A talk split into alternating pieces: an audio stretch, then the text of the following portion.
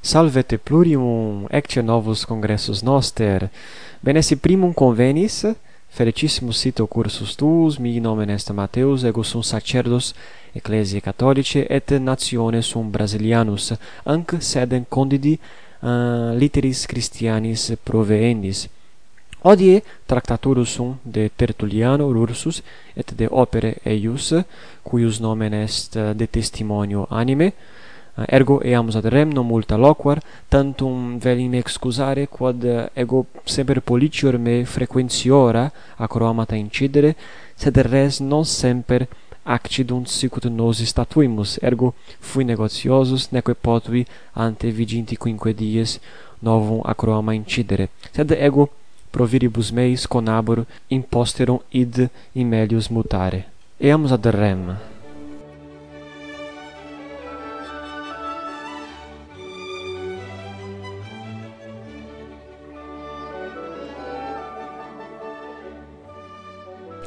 de testimonio anime. Quid est testimonium anime? Imo quae sunt testimonia anime? Bene, testimonia anime sunt illa indicia naturalia vel vestigia naturalia, quibus de Deo vero et de quibus da meius attributis, ut cumque cognoscere possumus, id est, si investigamus, si attentius nostram naturam spectamus, possumus deprehendere in eam quedam vestigia divina impressa et Tertullianus hoc opere vult eh, investigare eh, natura humana, investigare animam humana, ut possit eh, exinde colligere ea testimonia ad eh, suam religionem Christianam defendendam et ad instituta eius doctrine uh, contra eius adversarios protegenda. Bene, ex sunt sex testimonia quae Tertullianus affert primum anime testimonium est de Deo unico, bono et supremo, sunt quedam attributa divina nomne, Deum est, Deus est, Deus bonus est et supremus est. Secundum testimonium est de Deo dispectore et iudice, et hic eh, debeo aliquid dicere de hoc vocabulo dispector, quod secundum Tertullianum significat quod Deus est quamquam in cielo est semper homines et res humanas curat. Ille est dispector qui res humanas semper coram oculis suis habet et causa et causam hominum uh, agit.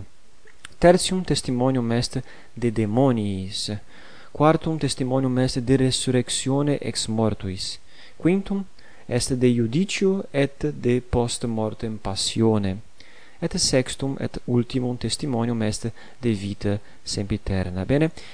Ergo ex sunt sex anime testimonia, uh, non de singulis uh, testimonius loquar, quia nolo esse vobis molestum et uh, fastidiosum, sed de quibusdam uh, testimoniis loquar fusius. Bene, antequam veniamus ad uh, sex testimonia, antequam uh, subtilius deis rebus tractem, veri aliquid dicere de causa, cur Tertullianus hoc opus scribere constituerit. Eh, mea sententia, hoc est, ec est opinio mea certe, quia Tertullianus non pallam loquitur de, de causa uius operis scribende, sed mea sententia ego, ego conicio, ex eius veribis et fortasse ex eius intentionibus ile dicamus eandem rem eandem causam agit atque uh, apologeticus agit. Apologeticus ut scitis est illud opus nobilissimum de quo iam abui uh, sermonem de quo iam incidi acroama.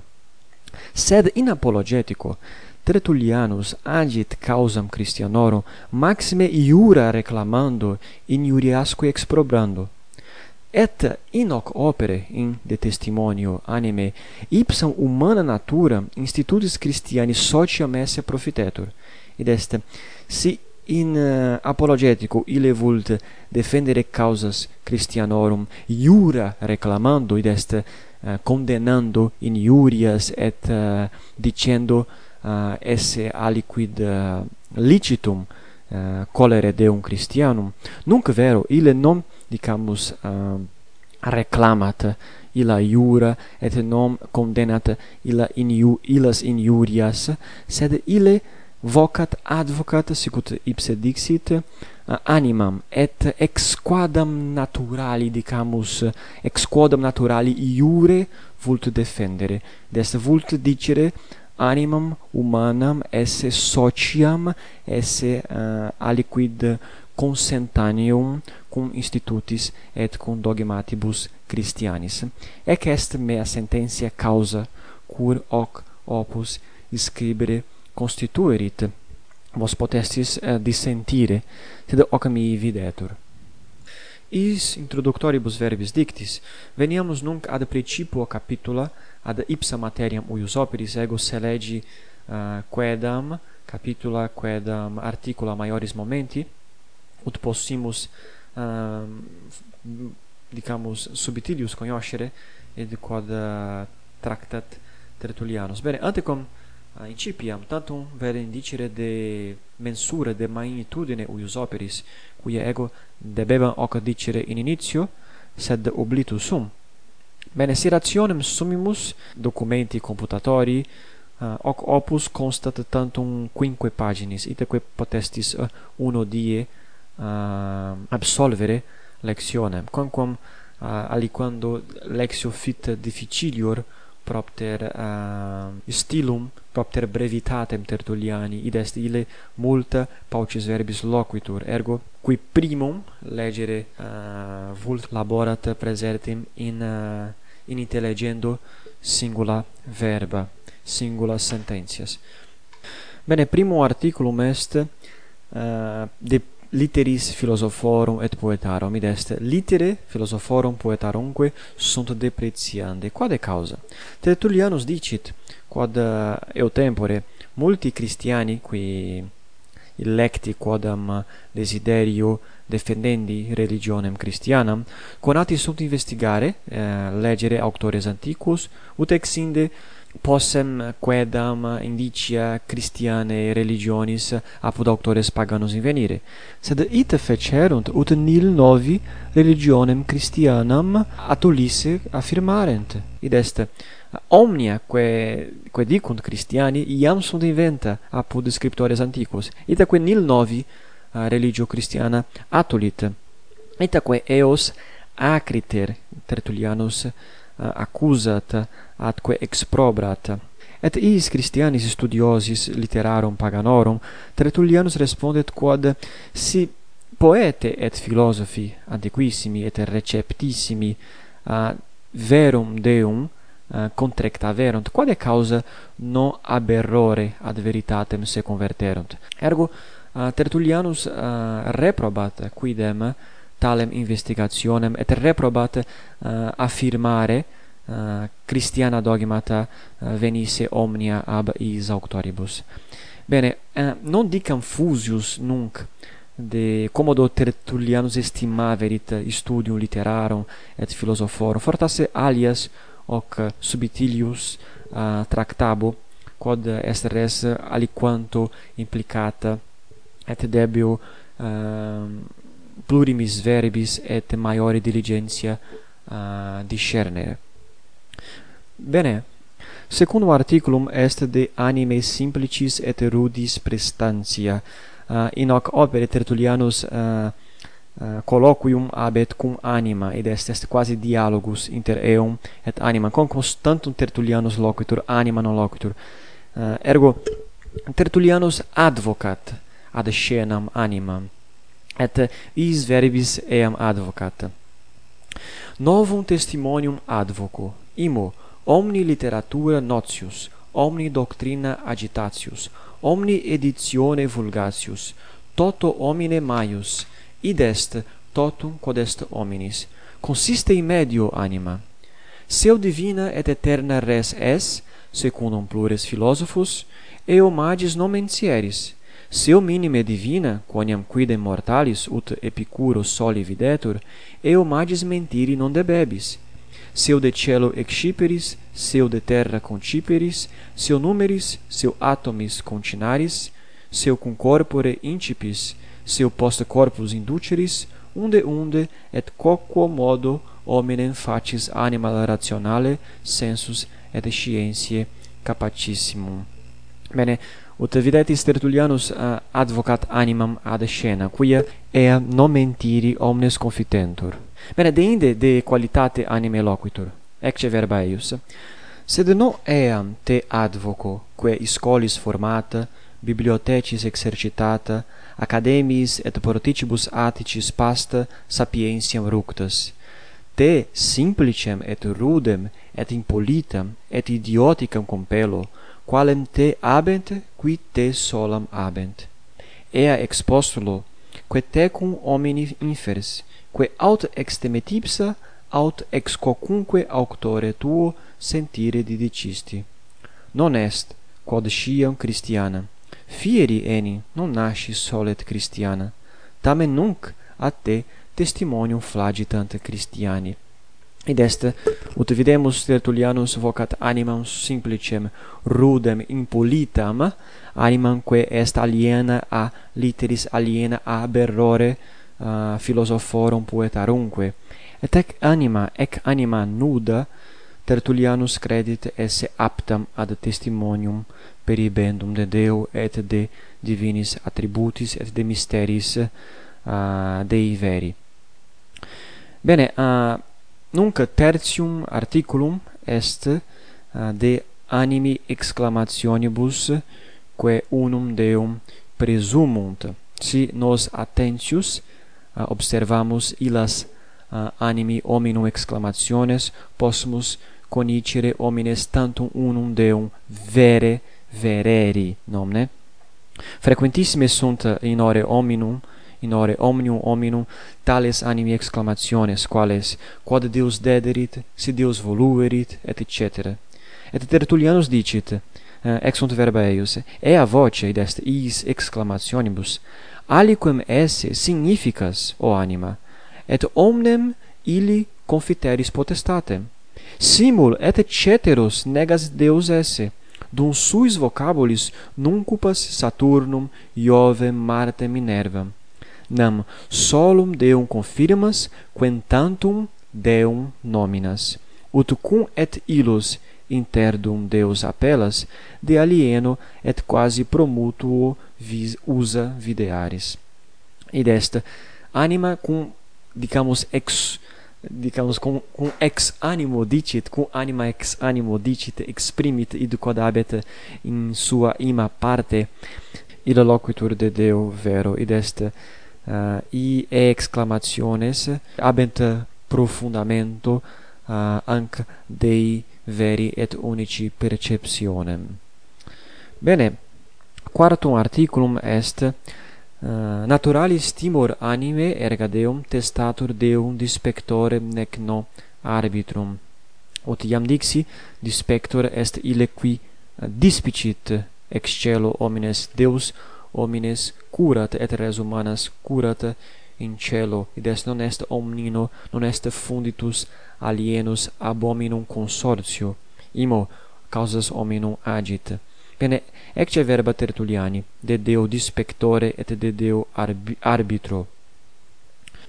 Sunt qui et si deo non egent dispectorem plane et arbitrum et judice non putent in quo utique nos maxime reiciunt nam si Deus inquiut, inquiut ili adversari, si Deus irascitur, corruptibilis et passionalis est, porro, quod patitur, quodque corrumpitur, et siam interitum potest capere, quem Deus non capit. Et nunc Tertullianus retorquet uh, hoc argumentum adversariorum, hoc dicit Tertullianus contra eos. Si eni anima aut divina aut a Deo data est, sine dubio datorem suum novit, et si novit, ubique et timet. An non timet quem magis propitium verit comiratum. Unde igitur naturalis timor anime in Deum, si Deus non novit irasci? Commodo timetur, qui nescit offendi? Quid timetur, nisi ira? Unde ira, nisi ex adma adversione? Unde adma adversio, nisi de iudicio, unde iudicium nisi de potestate, cuius potestas summa nisi Dei solius. Bene, ergo, ut videmus Tertullianus presert in loquitur de timore naturali hominis erga Deum, et hoc et ic timur testatur uh, Deum esse dispectorem, quod si aima non haberet, uh, unc naturalem timorem, certe non timeret, non sic Deum timeret. Sit est si Deus non curaret dominibus, anima certe non timeret Deum, et mm, un connaturalem timorem non aberet. Bene, uh, praeteria subiungit quasdam animi exclamationes, sicut uh, Deus videt omnia, Deo commendo, Deus redet, et Deus inter nos judicabit. Et exclamationes, dicit Tertullianus, sunt indicia uh, quae testantur uh, aliquid nat, uh, anima humana aliquid de Deo dispectore conoscere quasi ex sua natura ex suo ex sua ima parte bene quintum uh, articulum est studium postume fame hominem sempiternam affectare vitam declarat Bene, elogia sunt multorum hominum illustrium, qui ob postumam famam mortem contempserunt. Multi fuerunt, et ec est res frequens apud Grecos et apud Romanos, id est uh, maiam gloria obtinere, et sic relinquere posteritati um, ehm, famam uh, celeberrima ita ut homines possint per saecula et in sempiternum estimare eos. Bene, et elogia ec, et uh, possumus etiam mentionem facere uh, inscriptionum uh, in sepulcris et cetera testantur homines dicamus ehm, um, conari memoriam suam in aeternum traduci nomne et sic Tertullianus dicit uh, si anima nihil de postero curaret um, imo uh, Tertullianus dicit anima eni nihil de postero curaret si nihil de postero sciret. Id est si homo uh, curat deis rebus est quia ile habet dicamus uh, quasi naturale motum ad uh, vitam posteram ad vitam aeternam ad vitam post mortem itaque nunc curat de fama sua. Bene? Bene ex sunt articula quae vobis contractare uh, volui et nunc ut finem imponam Uh, uic tractationime, tantum dicam de auctoritate anime, qui Tertullianus posticum sex enumerat et discurrit uh, testimonia, dicit de auctoritate anime, id est, unde venit auctoritas ec? Cur nos debemus credere iis testimonis? Cur non debemus exempli gratia um, suspectam abere? Et sed, sed debemus credere? Et ille, Eh, uh, posticum enunciavit testimonia, uh, eh, auctoritatem anime testantis defendere conatur. Uh, eius sententia, et eh, Tertulliani sententia, cum testimonia sint uh, naturalia, sint aliquid naturale, divina esse debent. Uh, ecce argumentatio eius. Ec testimonia anime quanto vera, tanto simplicia, quanto simplicia, tanto vulgaria, quanto vulgaria, tanto comunia, quanto communia tanto naturalia, quanto naturalia tanto divina, et deinde subiungit, magistra natura anima discipula, quic quid aut illa edocuit, aut ista perdidicit, ad eo traditum est, magistro sciricet ipsius magistre.